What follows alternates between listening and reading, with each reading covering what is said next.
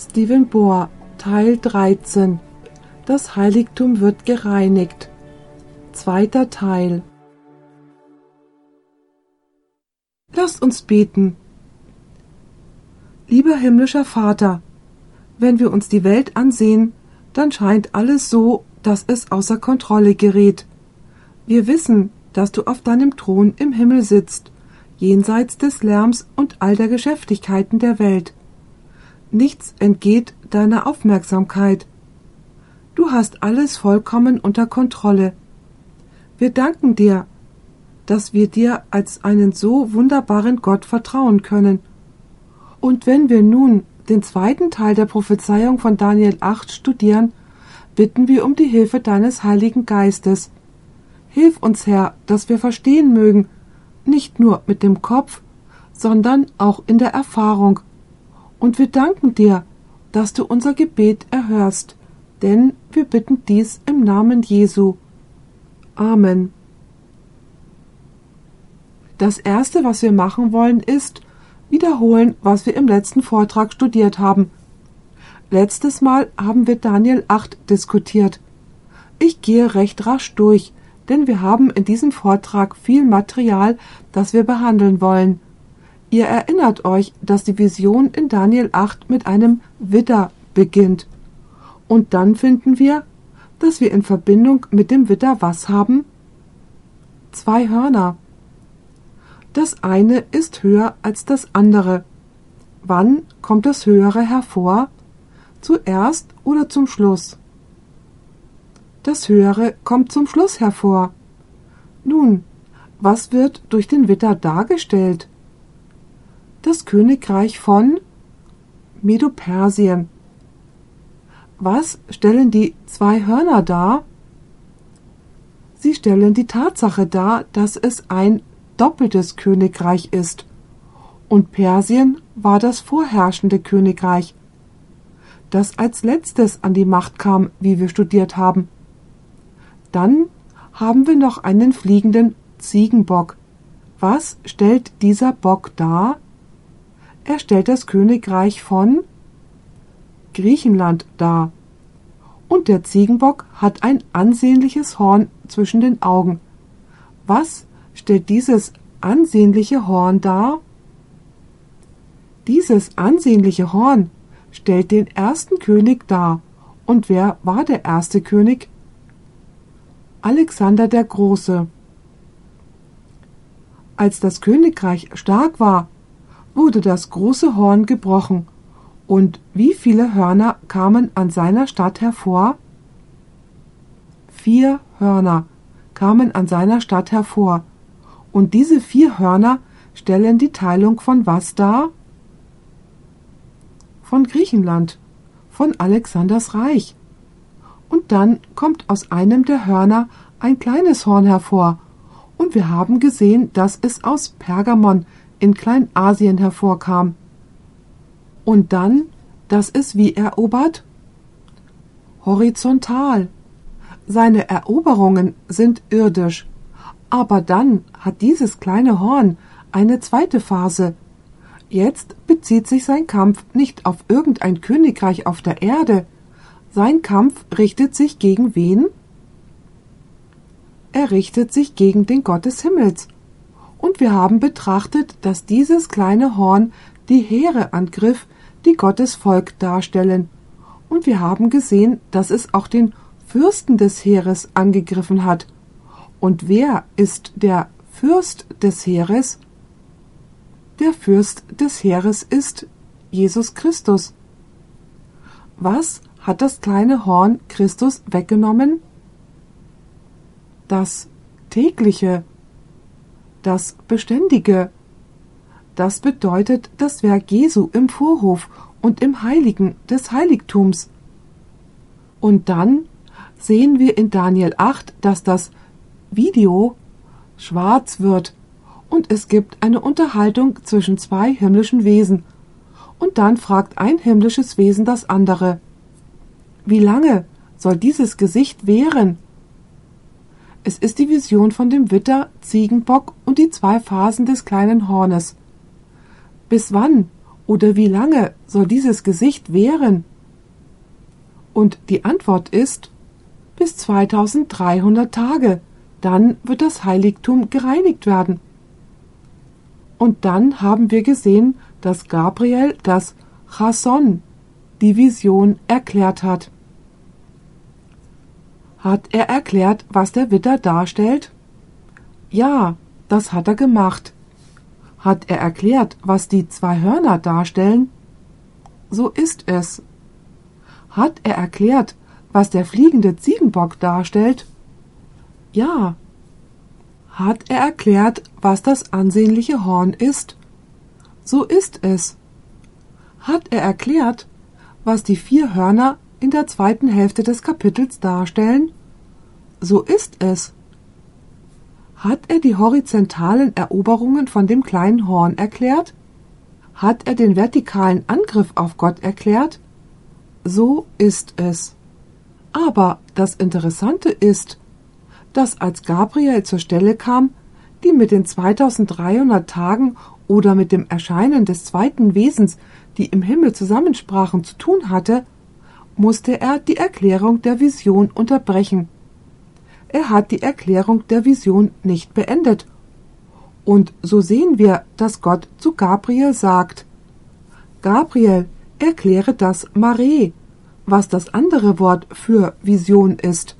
Das erste Wort ist das Chason, was am Anfang des Kapitels gebraucht wird. Erkläre das Mare, das die Erscheinung der zwei Wesen ist. Doch Gabriel konnte es nicht tun denn Daniel gemäß der Schrift wurde krank. Lasst uns das in Daniel 8, Vers 27 lesen. Und dort steht, dass Daniel das Mare nicht verstanden hat. Er verstand das Chason, welches die ganze Vision ist, weil Gabriel es erklärte. Aber den Teil, den er nicht verstand, war das andere Wort für Vision, das in der Mitte von Kapitel 8 gebraucht wird – beachtet, wie es in Daniel 8, Vers 27 heißt. Aber ich, Daniel, lag mehrere Tage krank, ehe ich wieder aufstehen und die Geschäfte des Königs besorgen konnte. Ich war aber ganz erstaunt über das Gesicht. Das Wort Gesicht ist nicht das Chason, das Gabriel erklärt hatte. Es ist das Wort Mare. Mit anderen Worten, Daniel konnte die Unterhaltung dieser zwei Wesen nicht verstehen, was den Zeitabschnitt von 2300 Tagen betraf. Und so heißt es. Ich war aber ganz erstaunt über das Gesicht. Das ist das Mare. Und keiner war da, der es verstand. So, welchen Teil der Vision hat Daniel nicht verstanden?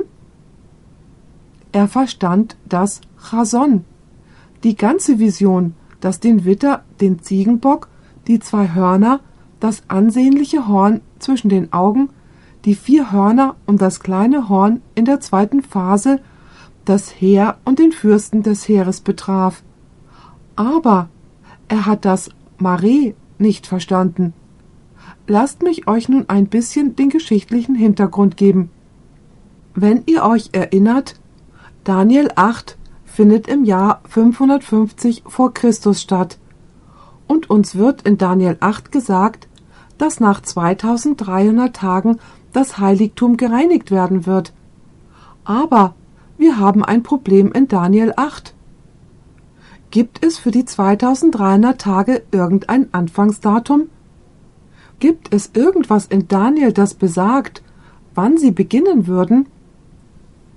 Ganz und gar nicht wäre es wichtig zu wissen, wann die 2300 Tage anfangen, damit wir auch wissen, wann sie enden?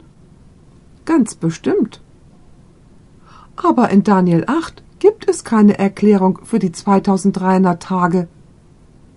Sie wurden angeführt, aber es gibt keine Erklärung und es gibt absolut kein Anfangsdatum. Nun ist die Frage, wo würdet ihr erwarten die Erklärung für das Anfangsdatum der Prophezeiung der 2300 Tage zu finden? Das nächste Kapitel wäre ein guter Ort, um nachzuschauen. Jetzt lasst uns nach vorne gehen zum Jahr 538. Dies ist das Datum für Daniel 9. Daniel 8 ist 550 vor Christus. Vergesst nicht, dass die Jahreszahlen vor Christus abwärts gehen, nicht wahr? Daniel 9 findet also 538 vor Christus statt. Babylon ist gerade im Jahr vorher untergegangen. Nun, Daniel wusste, dass es eine Prophezeiung gab, die Gott gegeben hatte, dass die Gefangenschaft von Israel in Babylon 70 Jahre dauern würde. Er wusste das. Lasst uns diese Prophezeiung lesen, wie sie in 2. Chroniker 36 Verse 15 bis 21 steht. Und ich werde auch die Ereignisse lesen, die zur Gefangenschaft von Israel geführt haben. Es ist ein langer Abschnitt, aber ich werde ihn lesen, weil er wichtig ist. Es heißt hier Und gleichwohl mahnte sie der Herr, der Gott ihrer Väter. Das ist von Israel. Unermüdlich durch seine Boten, denn er hatte Mitleid mit seinem Volk und seiner Wohnung. Aber sie verspotteten die Boten Gottes und verachteten seine Worte und verlachten seine Propheten, bis der Zorn des Herrn über sein Volk so hoch stieg, dass keine Heilung mehr möglich war. Da ließ er den König der Chaldäer, das war Nebukadnezar, wieder sie heraufkommen. Der tötete ihre Jungmannschaft mit dem Schwert im Hause ihres Heiligtums und verschonte weder Jünglinge noch Jungfrauen, weder Alte noch Hochbetagte. Alle gab er in seine Hand. Und alle Geräte des Hauses Gottes die großen und die kleinen, und die Schätze des Hauses des Herrn und die Schätze des Königs und seiner Fürsten. Alles ließ er nach Babel führen. Und sie verbrannten das Haus Gottes und rissen die Mauern von Jerusalem nieder und verbrannten alle ihre Paläste mit Feuer, so dass alle ihre kostbaren Geräte zugrunde gingen. Was aber vom Schwert übrig geblieben war, führte er nach Babel hinweg, und sie wurden seine, und seiner Söhne Knechte, bis bis wann? Bis das Königreich der Perser zur Herrschaft kam. Und nun beachtet Folgendes. Also wurde das Wort des Herrn durch den Mund Jeremias erfüllt. Bis das Land seine Sabbate gefeiert hat, soll es ruhen, solange die Verwüstung währt, bis siebzig Jahre vollendet sind. So, wie lange sollte Israel in Gefangenschaft in Babylon bleiben? Gemäß Jeremia sollten sie dort 70 Jahre sein. Aber nun hört zu. Daniel 9 findet 538 vor Christus statt. Daniel wusste, wann die 70 Jahre der Gefangenschaft begonnen hatten. Sie begannen im Jahr 605 vor Christus und Daniel wusste das aus eigener Erfahrung, denn König Nebukadnezar verschleppte ihn und seine drei Freunde im Jahr 605 vor Christus nach Babylon.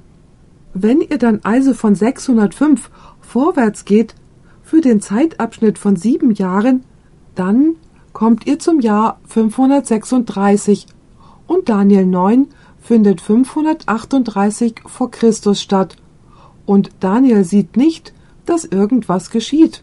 Er sagt, ihr wisst, dass Gott versprochen hat, dass uns nach 70 Jahren ein Erlass gegeben werden wird, in unser Land zurückzukehren, um die Stadt wieder aufzubauen, den Tempel und die Mauern. Hier sind wir im Jahr 536, noch zwei Jahre, dann sind die 70 Jahre vorbei, und ich sehe noch nicht, wie etwas geschieht. Daniel ist also sehr, sehr beunruhigt, und er beschließt, noch einmal die Prophezeiungen von Jeremia anzusehen.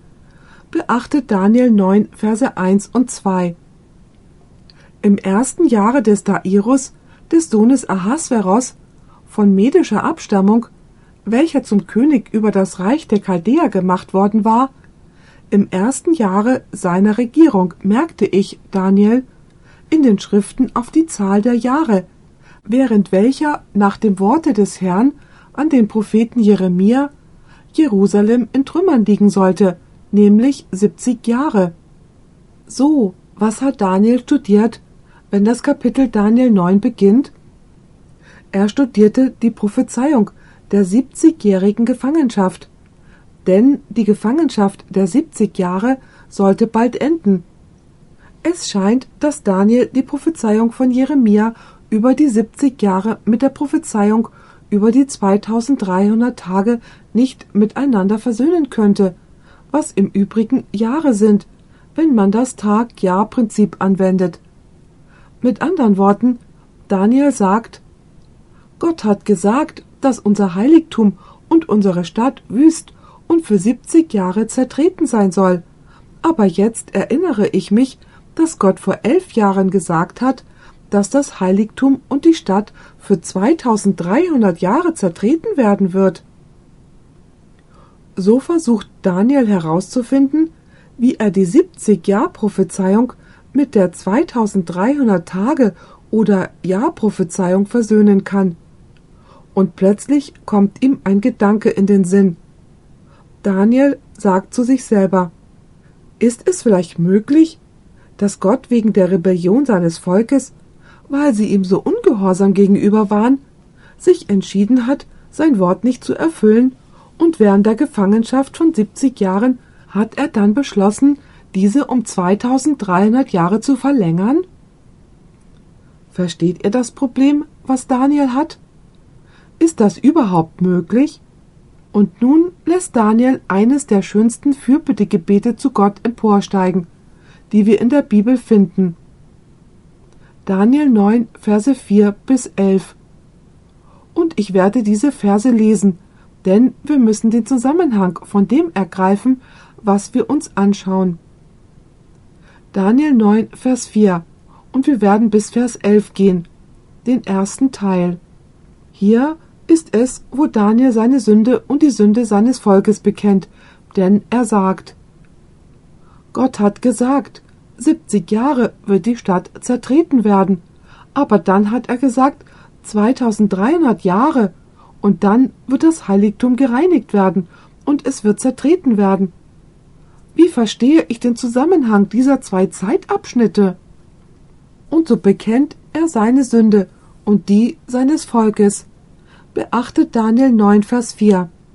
Ich betete aber zu dem Herrn, meinem Gott, bekannte und sprach, Ach, Herr, du großer und ehrfurchtgebietender Gott, der du den Bund und die Gnade denen bewahrst, die dich lieben und deine Gebote bewahren.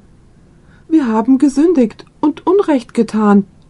Wir sind gottlos und widerspenstig gewesen und von deinen Geboten und Rechten abgewichen und haben deinen Knechten, den Propheten, nicht gehorcht, die in deinem Namen zu unseren Königen, Fürsten und Vätern und zu allem Volk des Landes geredet haben. Du, Herr, bist im Recht. Uns aber treibt es heute die Schamröte ins Gesicht. Allen Juden und Bürgern von Jerusalem und dem ganzen Israel, seien sie nah oder fern in allen Ländern, dahin du sie verstoßen hast, weil sie sich an dir vergangen haben. Uns, Herr, treibt es die Schamröte ins Gesicht unseren Königen, Fürsten und Vätern, dass wir gegen dich gesündigt haben.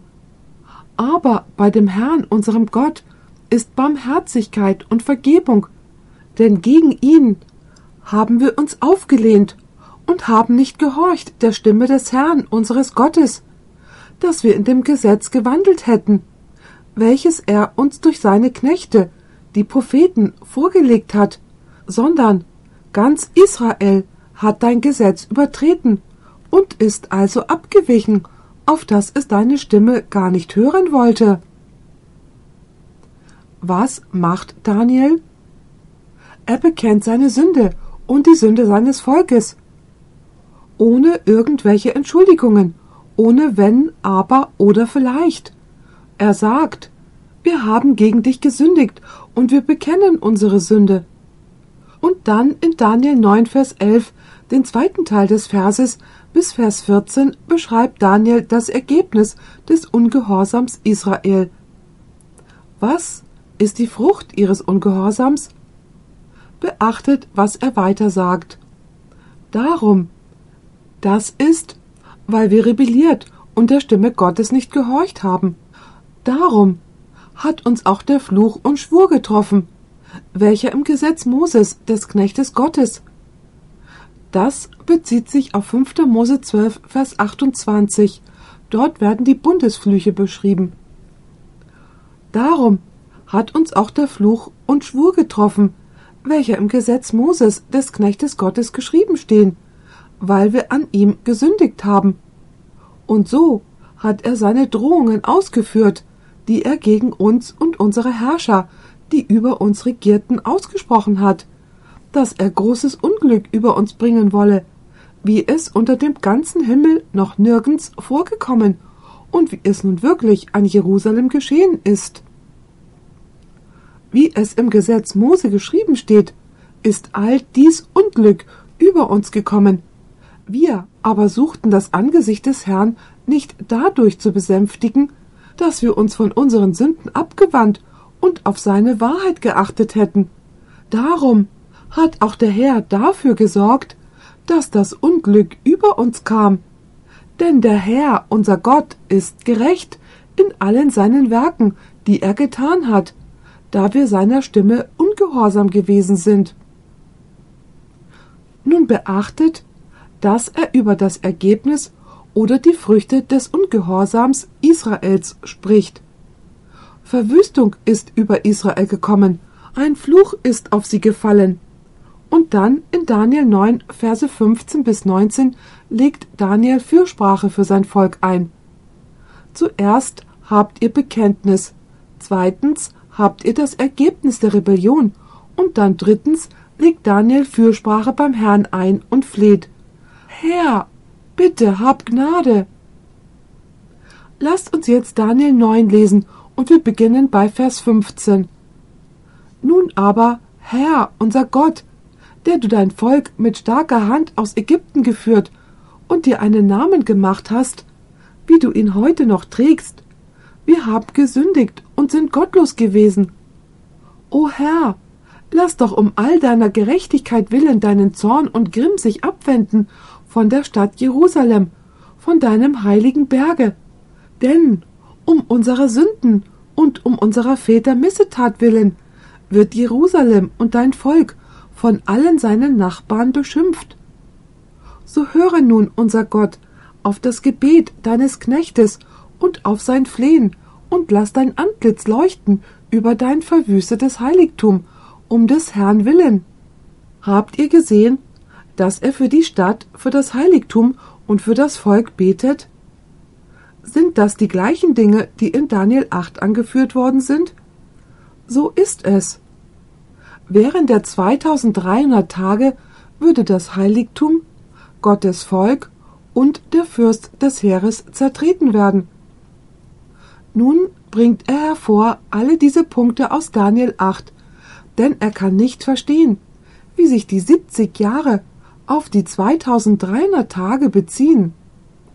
Vers 18 Neige deine Ohren, mein Gott, und höre, tue deine Augen auf und siehe unsere Verwüstung und die Stadt, die nach deinem heiligen Namen genannt ist.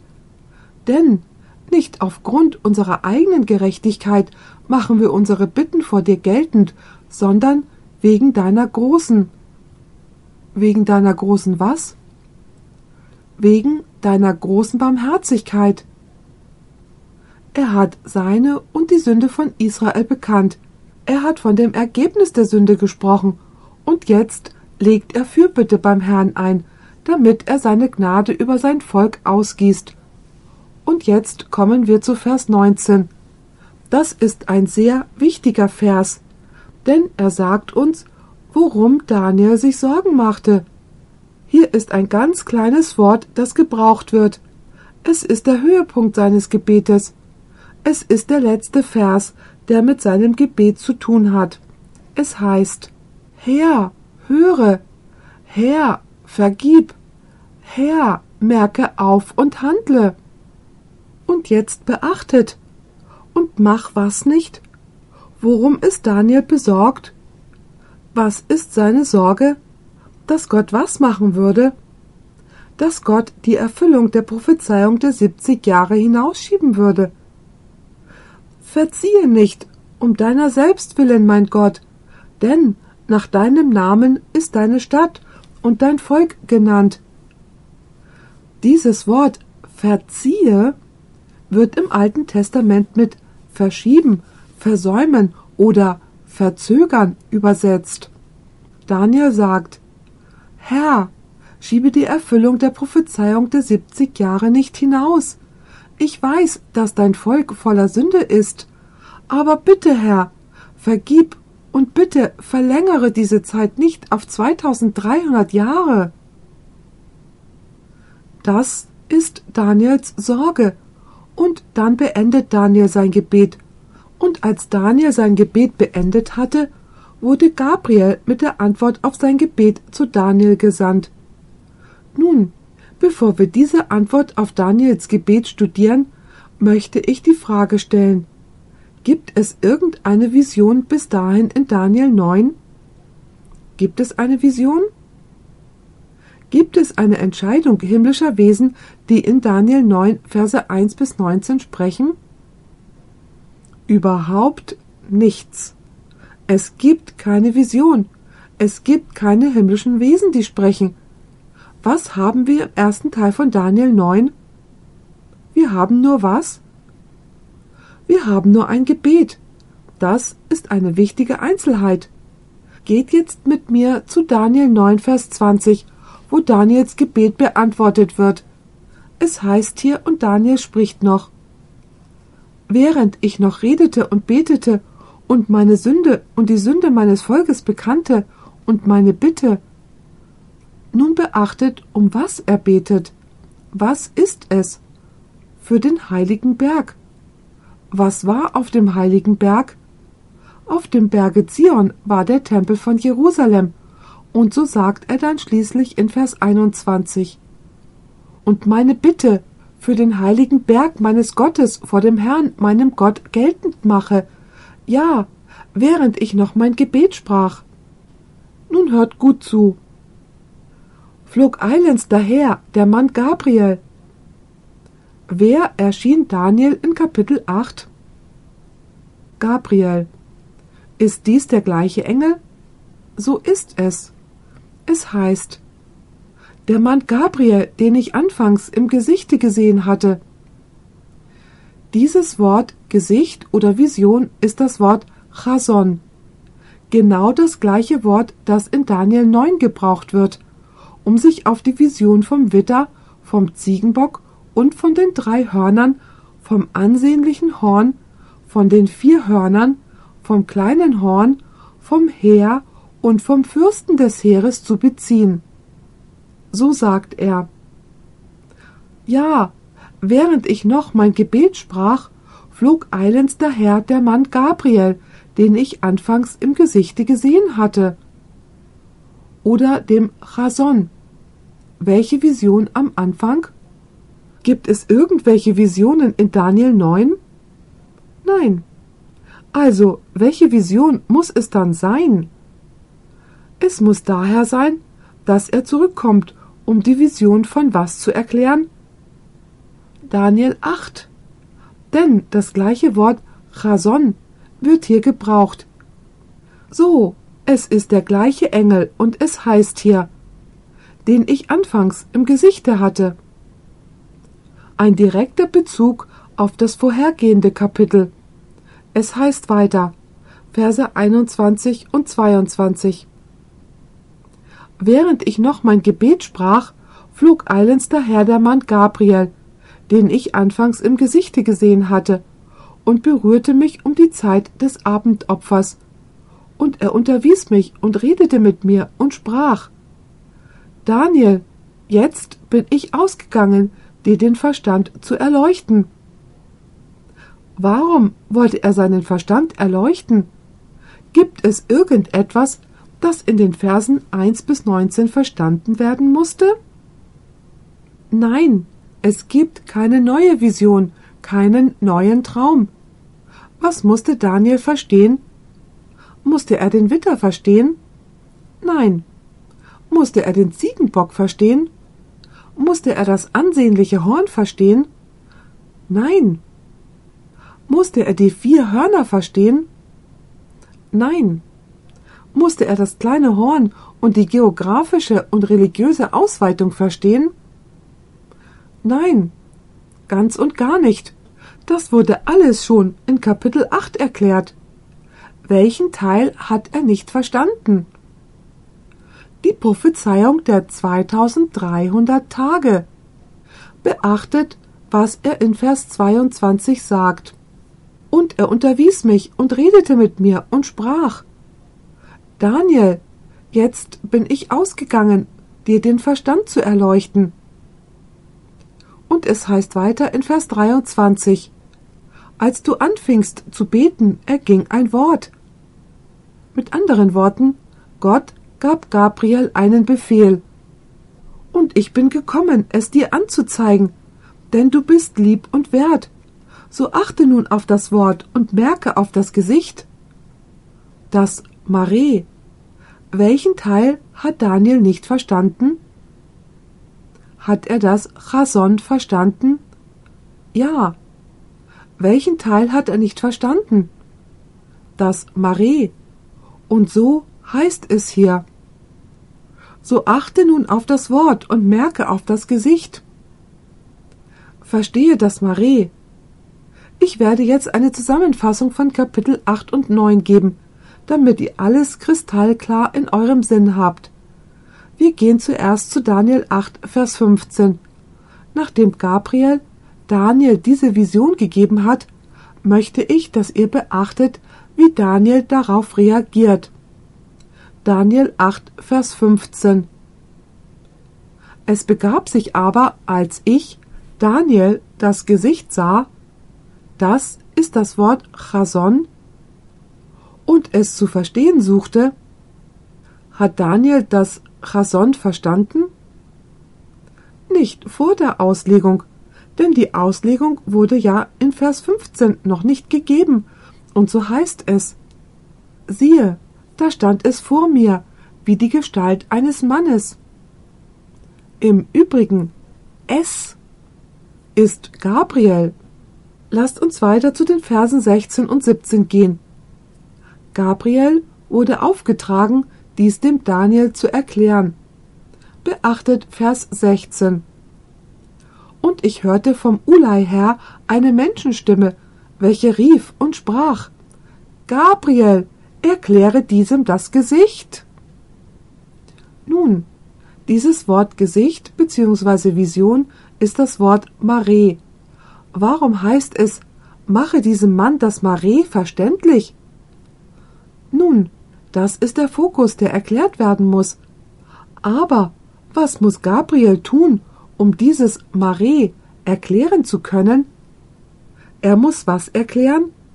Er musste das Chason erklären und alles, was vorher kam, das dann zum Mare hingeführt hat. Versteht ihr, was ich damit sage? Und was ist nun der Teil, den Gott dem Gabriel aufgetragen hatte, Daniel zu erklären? Er sagte, erkläre das Mare. Aber um das Mare erklären zu können, muss er erstmal was erklären? Das Chason. Denn das Mare ist der Höhepunkt vom Chason. Und so heißt es in den Versen 16 und 17 und ich hörte vom Ulai her eine Menschenstimme, welche rief und sprach Gabriel, erkläre diesem das Gesicht. Das Marie. Da kam er neben mich zu stehen. Als er aber kam, erschrak ich so sehr, dass ich auf mein Angesicht fiel, und er sprach zu mir Wisse, Menschensohn, dass das Gesicht auf die Zeit des Endes geht. Und was macht Gabriel dann? Was beginnt Gabriel zu erklären? Er erklärt das Chason. Er erklärt also den Witter, den Ziegenbock, die zwei Hörner, das ansehnliche Horn, die vier Hörner, das kleine Horn und seine politische und religiöse Ausweitung, wie er das Heer zertritt und wie er auch den Dienst des Fürsten des Heeres angreift. Und was will er dann erklären? Er will das Marie erklären. Aber was passiert mit Daniel? Daniel wurde krank. Lasst uns Daniel 8, Verse 26 und 27 lesen. Es heißt hier das Gesicht. Dies ist das Wort Mare. Was aber über das Gesicht von den Abenden und Morgen? Nun wissen wir, dass sich das Mare auf die Abende und Morgen bezieht, richtig? Auf die Prophezeiung der 2300 Jahre. Was aber über das Gesicht von den Abenden und Morgen gesagt worden ist, das ist wahr. Und du sollst das Gesicht versiegeln, denn es bezieht sich auf ferne liegende Tage. Aber ich, Daniel, was passierte mit ihm? Ihr könnt die Verwirrung verstehen. Zuerst waren es nur 70 Jahre und dann sagt Gott 2300 Jahre. Daniel war ganz durcheinander. Er sagt, ich kapiere das überhaupt nicht. Aber ich, Daniel, lag mehrere Tage krank, ehe ich wieder aufstehen und die Geschäfte des Königs besorgen konnte. Ich war aber ganz erstaunt über das Gesicht. Dem Marais. Und keiner war da, der es verstand. Interessant. Wurde das Chasson schon erklärt? Ja, so, welchen Teil versteht er nicht? Den Teil von den Abenden und Morgen, so heißt es hier. Was aber über das Gesicht, dem Mare, von den Abenden und Morgen gesagt worden ist, das ist wahr. Und du sollst das Gesicht versiegeln, denn es bezieht sich auf ferne liegende Tage. Aber ich, Daniel, lag mehrere Tage krank, ehe ich wieder aufstehen und die Geschäfte des Königs besorgen konnte, und war aber ganz erstaunt über das Gesicht, und keiner war da, der es verstand.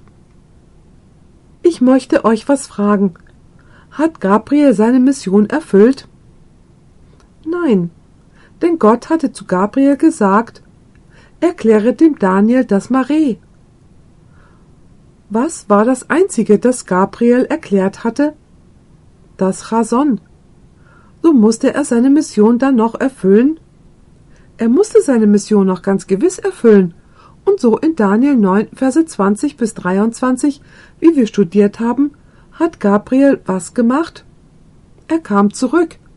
Und er sagt, jetzt werde ich das Mare erklären, und er gibt die Prophezeiung über die 70 Wochen. Und nachdem er die Prophezeiung gegeben hat, beachtet Daniel 10, Vers 1. Dort heißt es im ersten Vers nach der Prophezeiung über die 70 Wochen. Im dritten Jahre Kyros des Perserkönigs, das ist um das Jahr 536 vor Christus, ward dem Daniel, welcher Belsazar genannt wird, ein Wort geoffenbart, und dieses Wort ist wahr und handelt von großer Trübsal. Und er verstand das Wort und bekam Einsicht in das Gesicht in das Mare. Hat Daniel jetzt das Mare verstanden? Gibt es irgendetwas in der Prophezeiung der 70 Wochen, das nützlich ist, um die 2300 Tage zu erklären? Seht ihr die Verbindung? Oder nicht? Hat die Prophezeiung der 70 Tage Daniel dazu gebracht, das Mare zu verstehen? So ist es. Denn ihr habt bemerkt, dass Daniel vor der Prophezeiung der 70 Wochen gesagt hat, ich verstehe das nicht. Gabriel sagt, ich bin gekommen, um dir das Verständnis dafür zu geben. Gabriel gibt die Prophezeiung über die 70 Wochen, und nachdem er diese Prophezeiung gegeben hat, sagte Daniel, Jetzt verstehe ich das. Somit haben die 70 Wochen die Prophezeiung über die 2300 Jahre erklärt. Versteht ihr, was ich sage?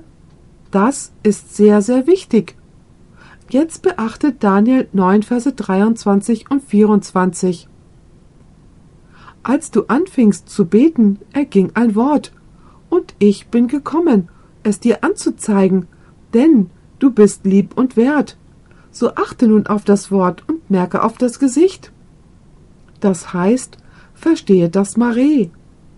Und was erklärt Gabriel dann dem Daniel? Die 70 Wochen. Also sind die 70 Wochen ein unverzichtbares Werkzeug, um die 2000 Tage zu erklären? Ja, man kann sie nicht umgehen.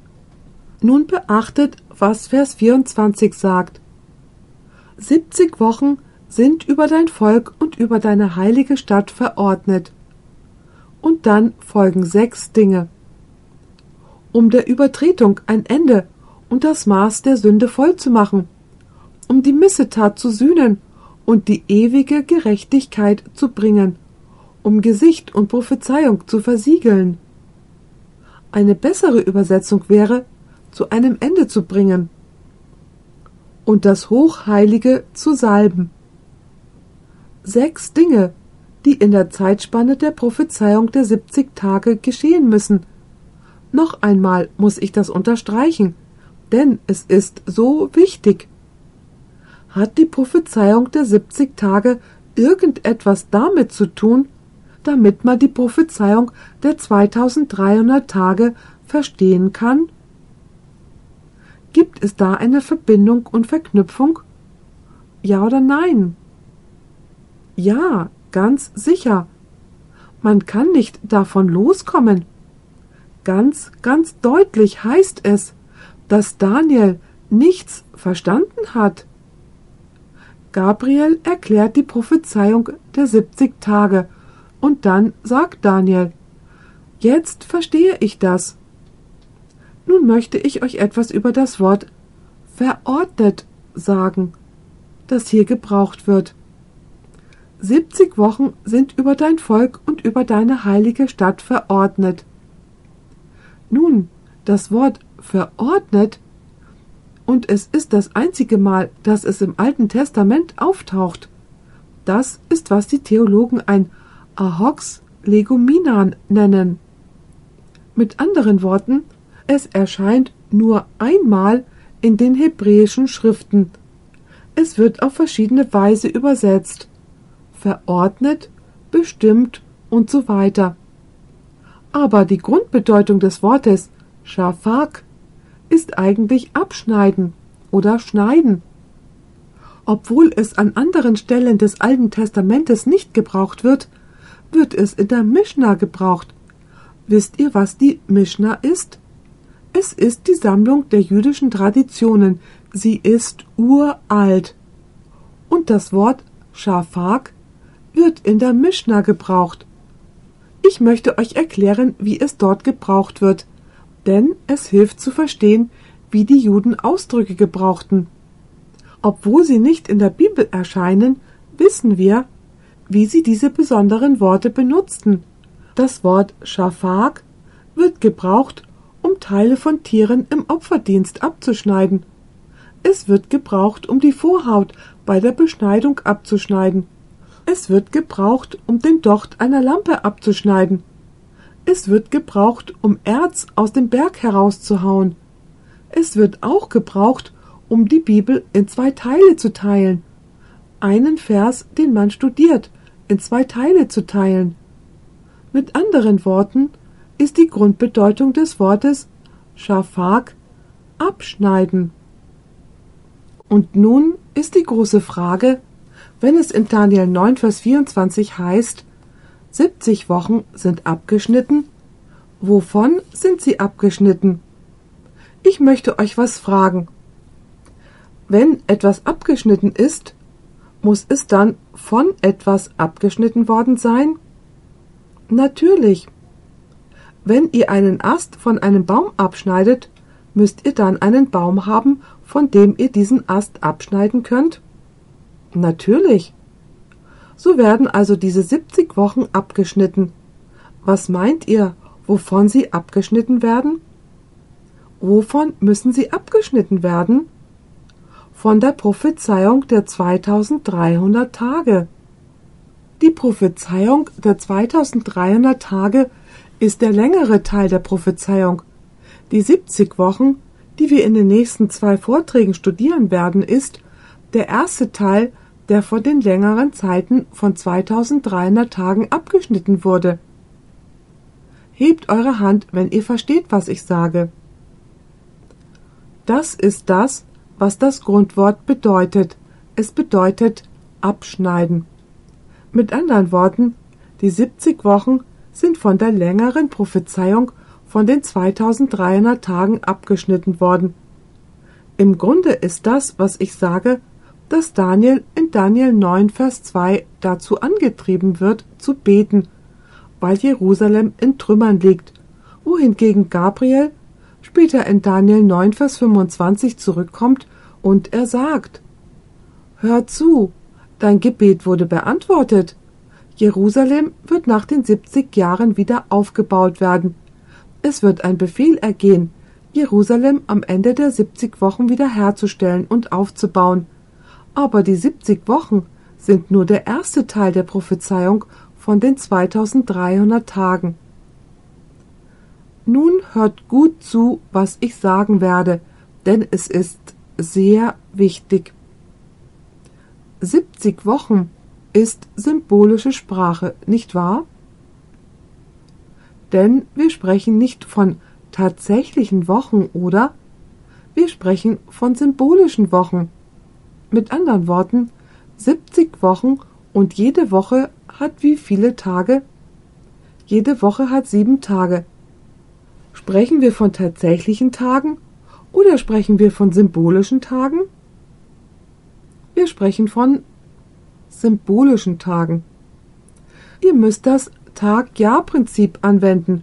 Und übrigens kenne ich nur ganz wenige Gelehrte, die sagen würden, dass die 70 Wochen wörtlich genommen werden müssen.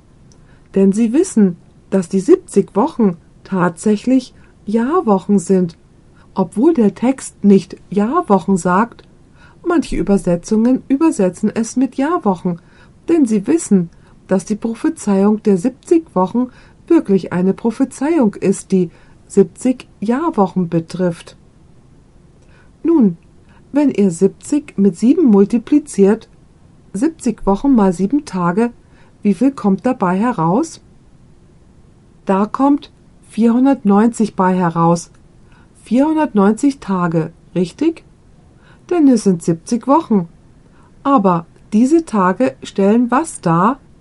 Diese Tage stellen 490 Jahre dar. Nun hört gut zu. Wisst ihr den wahren Grund, warum Bibelausleger Daniel 8 nicht mit Daniel 9 verbinden wollen und warum die meisten Gelehrten eine Verbindung zwischen Daniel 8 und Daniel 9 ablehnen, obwohl wir eine klare Verbindung gesehen haben? Punkt für Punkt zeigt, dass es eine Verbindung zwischen Daniel 8 und Daniel 9 gibt, aber die meisten Gelehrten wollen Daniel 8 und Daniel 9 nicht verbinden. Das schließt auch viele adventistische Gelehrte mit ein. Wisst ihr den Grund warum? Das ist sehr einfach. Wenn ihr das Tag-Jahr-Prinzip auf die 70 Wochen anwendet, welches der erste Teil von den 2300 Tagen ist, so müsst ihr das Tag-Jahr-Prinzip auch auf die 2300 Tage anwenden. Könnt ihr mir soweit folgen?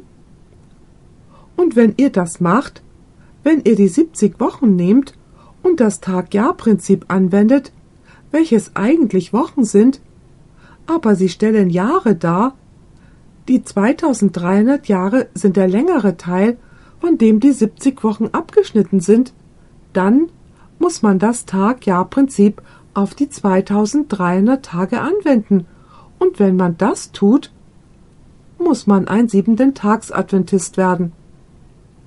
Gemäß dem, was wir in den nächsten zwei Vorträgen studieren werden.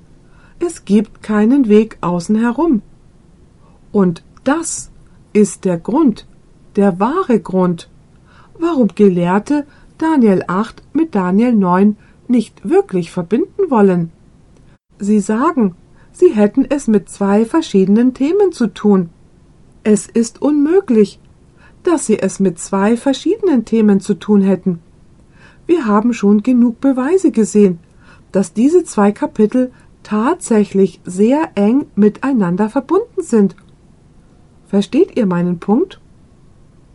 Lasst uns nun die sechs Dinge untersuchen, die in der Zeit der Prophezeiung der 70 Wochen erreicht werden mussten. Erinnert ihr euch, was sie sind? Der Übertretung ein Ende machen, das Maß der Sünde voll machen, die Missetat zu sühnen, ewige Gerechtigkeit bringen und Gesicht und Prophezeiung versiegeln und das Hochheilige salben. Lasst uns nun eines nach dem anderen nehmen und aufzeigen, wie sie während dieser 70 Wochen erfüllt worden sind, insbesondere in der letzten Woche der 70 Wochen. Lasst uns erst einmal mit der Übertretung ein Ende machen beginnen. Dieses Wort Übertretung ist das stärkste Wort im Alten Testament für Sünde. Es gibt viele Worte für Sünde im Alten Testament, aber dieses besondere hebräische Wort ist das stärkste Wort. Es sollte tatsächlich mit Rebellion oder Empörung übersetzt werden. Mit anderen Worten, es ist eine grundlose Empörung gegen Gott.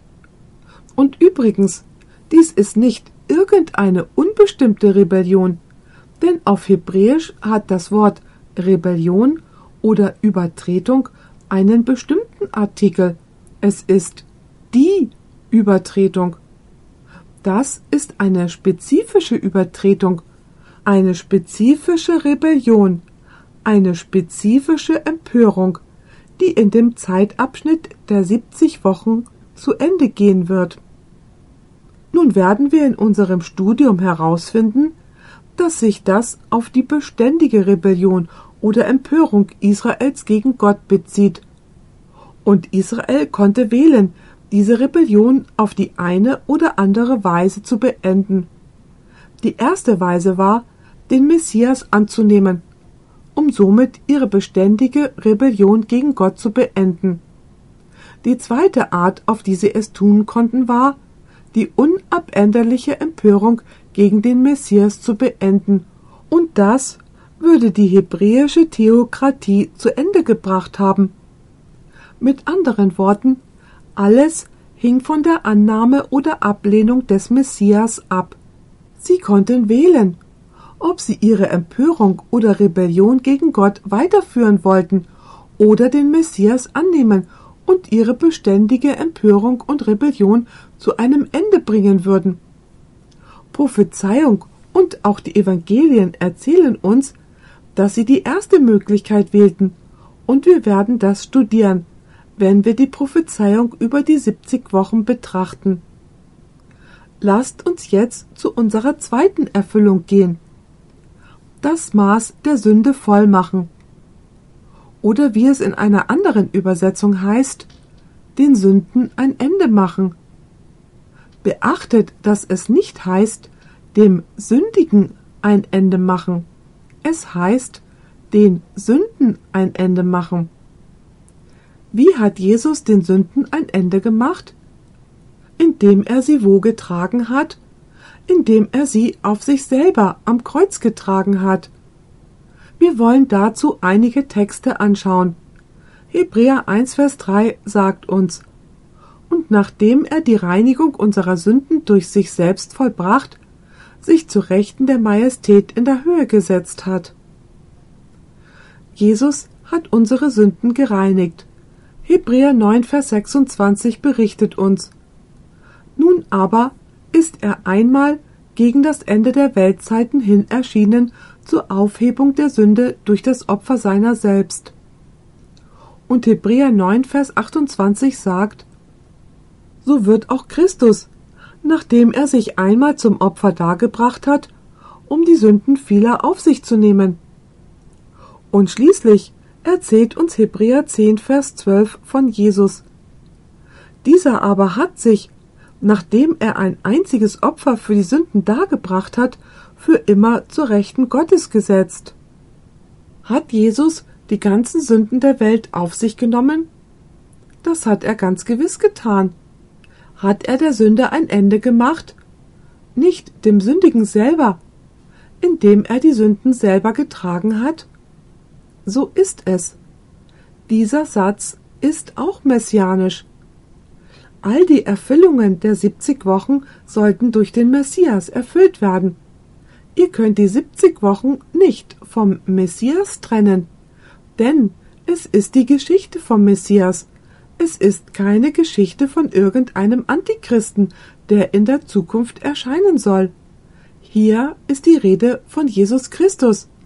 Meint ihr, es wäre eine ganz ernste Angelegenheit, eine Prophezeiung zu nehmen, die sich auf Christus bezieht und sie auf den Antichristen zu beziehen?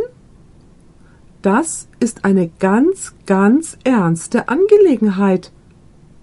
Wir werden das in der Prophezeiung über die 70 Wochen sehen. Ihr werdet über die nächsten zwei Vorträge erstaunt sein. Ich kann euch das versichern. Als ich sie vorbereitet habe, war ich selber erstaunt, denn die Heilige Schrift ist so mächtig, nicht weil ich irgendwie übernatürliche Weisheit hätte, sondern weil die Weisheit in der Heiligen Schrift liegt. Ich war darüber so erstaunt, wie alles zusammenpasst. Nun lasst uns den dritten Satz anschauen. Die Missetat zu sühnen. Ich möchte euch was fragen. Wer versöhnte die Menschen wieder mit Gott? Jesus hat das getan.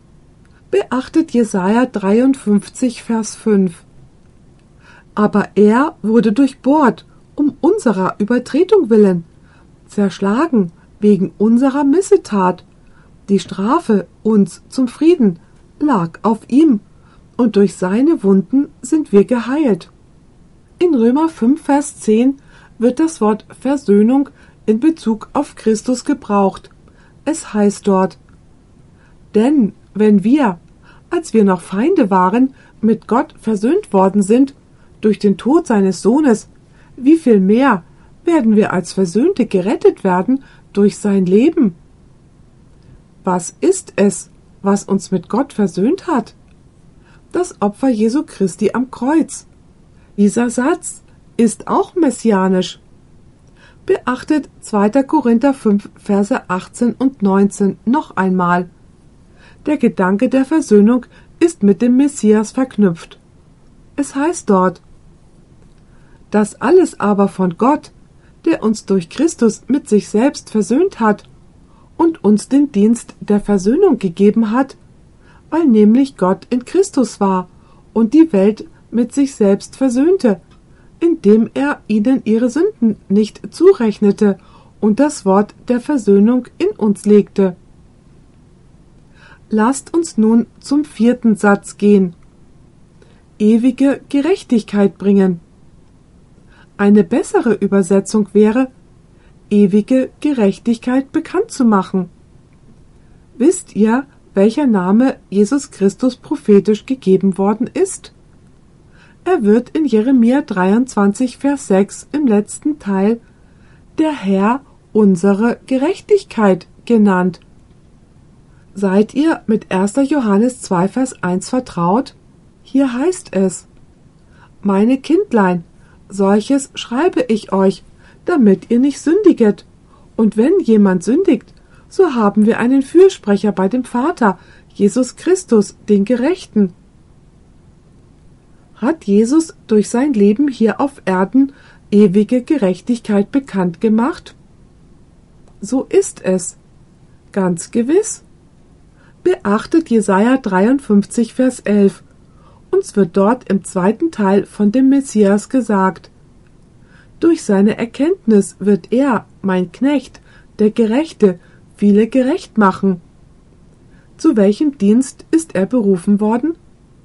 Mein Knecht, der Gerechte, wird viele gerecht machen, und ihre Schulden wird er auf sich nehmen.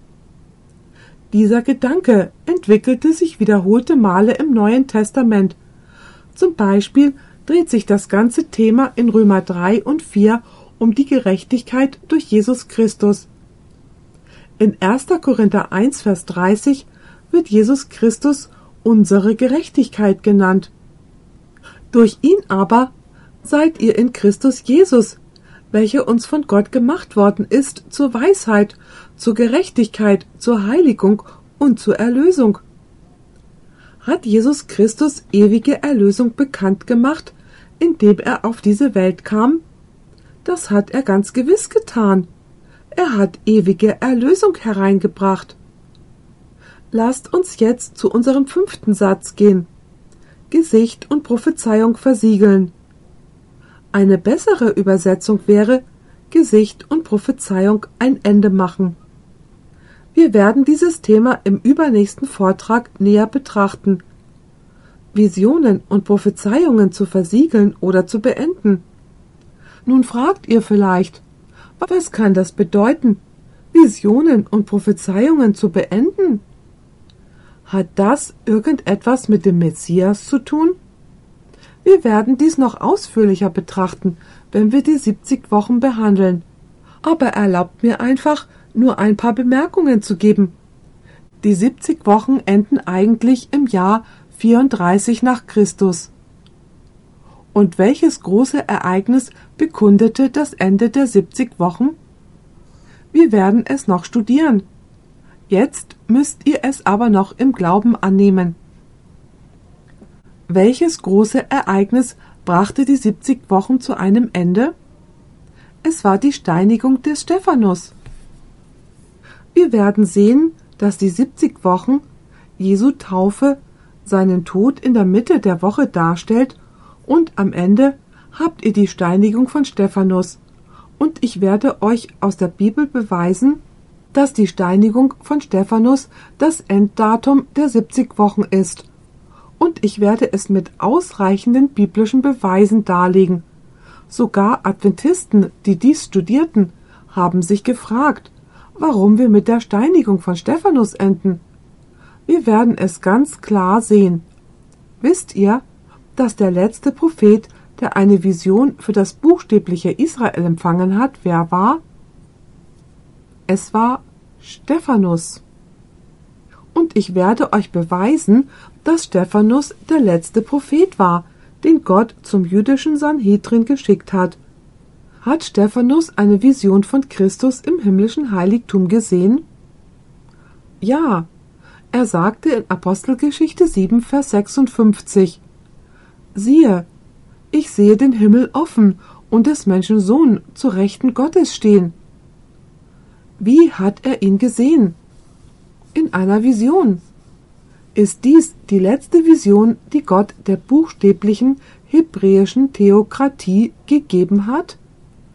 Ja, so ist es. Stephanus war der letzte Prophet, der die letzte Prophezeiung für die jüdische Nation erhalten hat. Als sie beschlossen, ihn zu steinigen, kamen Visionen und Prophezeiungen zu einem Ende. Versteht ihr mich? Wichtig ist, dass ihr den Zusammenhang versteht, denn wir werden das ganz ausführlich mit der Bibel in unseren nächsten Vorträgen durchgehen. Lasst uns jetzt zu unserem letzten Punkt gehen. Das Hochheilige zu salben. Wörtlich heißt es, das Heiligste des Heiligen zu salben. Nun, dieser Ausdruck kann auf zwei verschiedene Weisen verstanden werden. Zuerst einmal kann der Ausdruck das Heiligste des Heiligen so verstanden werden, dass er sich auf eine Person bezieht, dass es Jesus Christus bedeutet. Er ist der Heilige von allen Heiligen. Und es kann auch verstanden werden als das Allerheiligste des himmlischen Heiligtums. Nun ist die Frage, welche der beiden Übersetzungen ist die richtige? Tatsächlich glaube ich, dass beide dieser Übersetzungen dieser Anschauungen richtig sind. Ihr fragt vielleicht, wie weißt du das? Nun, als das hebräische Heiligtum eingeweiht wurde, wurde das gesamte Heiligtum gesalbt, was das Allerheiligste mit einschloss.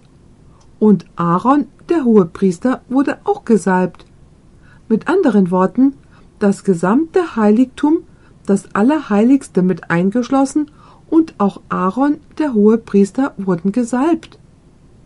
Ich möchte, dass ihr 3. Mose 8, Verse 1 bis 12 lest, wo diese ursprüngliche Zeremonie beschrieben ist, wo das Heiligtum und der Hohepriester gesalbt wurden, als sie ihren Dienst im Heiligtum begannen. Ich möchte euch was fragen. Als Jesus in den Himmel aufgefahren ist, wurde er da zum hohen Priester über sein Volk gesalbt? So ist es. Beachtet Apostelgeschichte 2, Verse 32 bis 36. Dort erklärt Petrus am Pfingsttag ganz deutlich, dass Jesus Christus zum Priester und König über sein Volk gesalbt wurde. Diesen Jesus hat Gott auferweckt. Dafür sind wir alle Zeugen. Nachdem er nun durch die rechte Hand Gottes erhöht worden ist und die Verheißung des Heiligen Geistes vom Vater empfangen hat, hat er das ausgegossen, was ihr jetzt sehet und höret. Denn nicht David ist in den Himmel hinaufgefahren, sondern er sagt selbst Der Herr sprach zu meinem Herrn Setze dich zu meiner Rechten, bis ich deine Feinde hinlege als Schemel deiner Füße. So erkenne nun das ganze Haus Israel mit Gewissheit, dass Gott diesen Jesus, den ihr gekreuzigt habt, zum Herrn und Christus gemacht hat. Ich möchte eine Aussage vom Wirken der Apostel auf Seite 40 lesen. Dies ist ein Buch, das von Ellen White geschrieben worden ist, wo sie davon spricht, dass Jesus als unser hoher Priester im Heiligen des Heiligtums geweiht wurde. Sie sagt folgendes Durch die Ausgießung des Heiligen Geistes zu Pfingsten teilte der Himmel mit, dass die Einsetzung des Erlösers geschehen war. Mit anderen Worten, die Zungen aus Feuer und der mächtig rauschende Wind waren eine Ankündigung auf der Erde, dass Jesus zum hohen Priester geweiht worden war. Sie sagt weiter, wie er versprochen hatte. Er hatte den Heiligen Geist vom Himmel gesandt zum Zeichen, dass er nun als Priester und König alle Gewalt im Himmel und auf Erden erhalten habe. Und nun beachtet, und der Gesalbte über sein Volk sei. So wurde Jesus gesalbt um der hohe Priester zu sein? So ist es. Wollt ihr einen interessanten kleinen Psalm lesen? Psalm 133. Hier ist die Rede von der Salbung Aarons. Ich wünschte, wir könnten darüber reden. Es ist ein wirklich kurzer Psalm. Er beginnt damit. Siehe, wie fein und lieblich ist es, wenn Brüder einträchtig beisammen wohnen wie das feine Öl auf dem Haupt, das herabfließt in den Bart, den Bart Aarons, das herabfließt bis zum Saum seiner Kleider, wie der Tau des Hermon, der herabfällt auf die Berge Zions.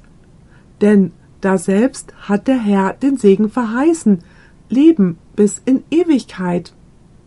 Das beschreibt den Pfingsttag, als Jesus Christus zum hohen Priester über sein Volk gesalbt wurde.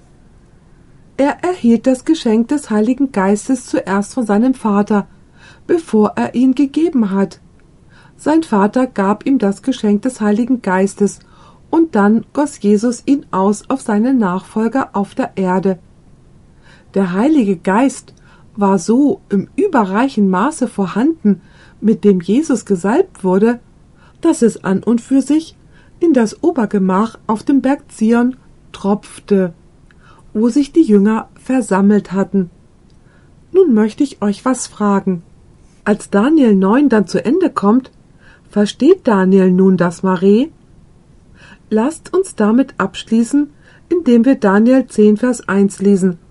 Es heißt, im dritten Jahre Kyros, des Perserkönigs, ward dem Daniel, welcher Belzazar genannt wird, ein Wort geoffenbart, und dieses Wort ist wahr und handelt von großer Trübsal. Worauf bezieht sich das? Was bedeutet das Wort groß? Die Prophezeiung der 2300 Tage. Und was hat Daniel getan? Und er verstand das Wort und bekam Einsicht in das Gesicht. Und er verstand das Mare, die Vision, hatte Daniel jetzt verstanden? Was hat ihn dazu gebracht, das Mare jetzt zu verstehen? Denn Gabriel hat welche Prophezeiung erklärt? Die der 70 Wochen. Somit sind die 70 Wochen der erste Teil wovon? Von der Prophezeiung der 2300 Tage. Wenn wir wissen würden, wann die 70 Wochen beginnen, dann würden wir wissen, wann die Reinigung des Heiligtums 2300 Jahre später beginnt. Und ich kann euch versichern, dass dieses Datum das Jahr 1844 ist. Genauer noch, indem wir die Abendopfer untersuchen, können wir den Tag und den Monat genau bestimmen. Es ist der 22. Oktober 1844, wenn die 2300 Tage oder Jahre zu Ende gehen und der Vorgang, das Heiligtum zu reinigen, beginnt. Wir werden noch einen ganzen Vortrag darüber haben, was es bedeutet, wenn das hebräische Heiligtum gereinigt wird. Diese Aufnahme wurde von Audioverse präsentiert, eine Internetseite, die sich der Verbreitung des Wortes Gottes unter anderem durch kostenlose Predigtaufnahmen widmet. Für mehr Informationen über Audioverse und für weitere Predigten empfehlen wir unsere Internetseite www.audioverse.org.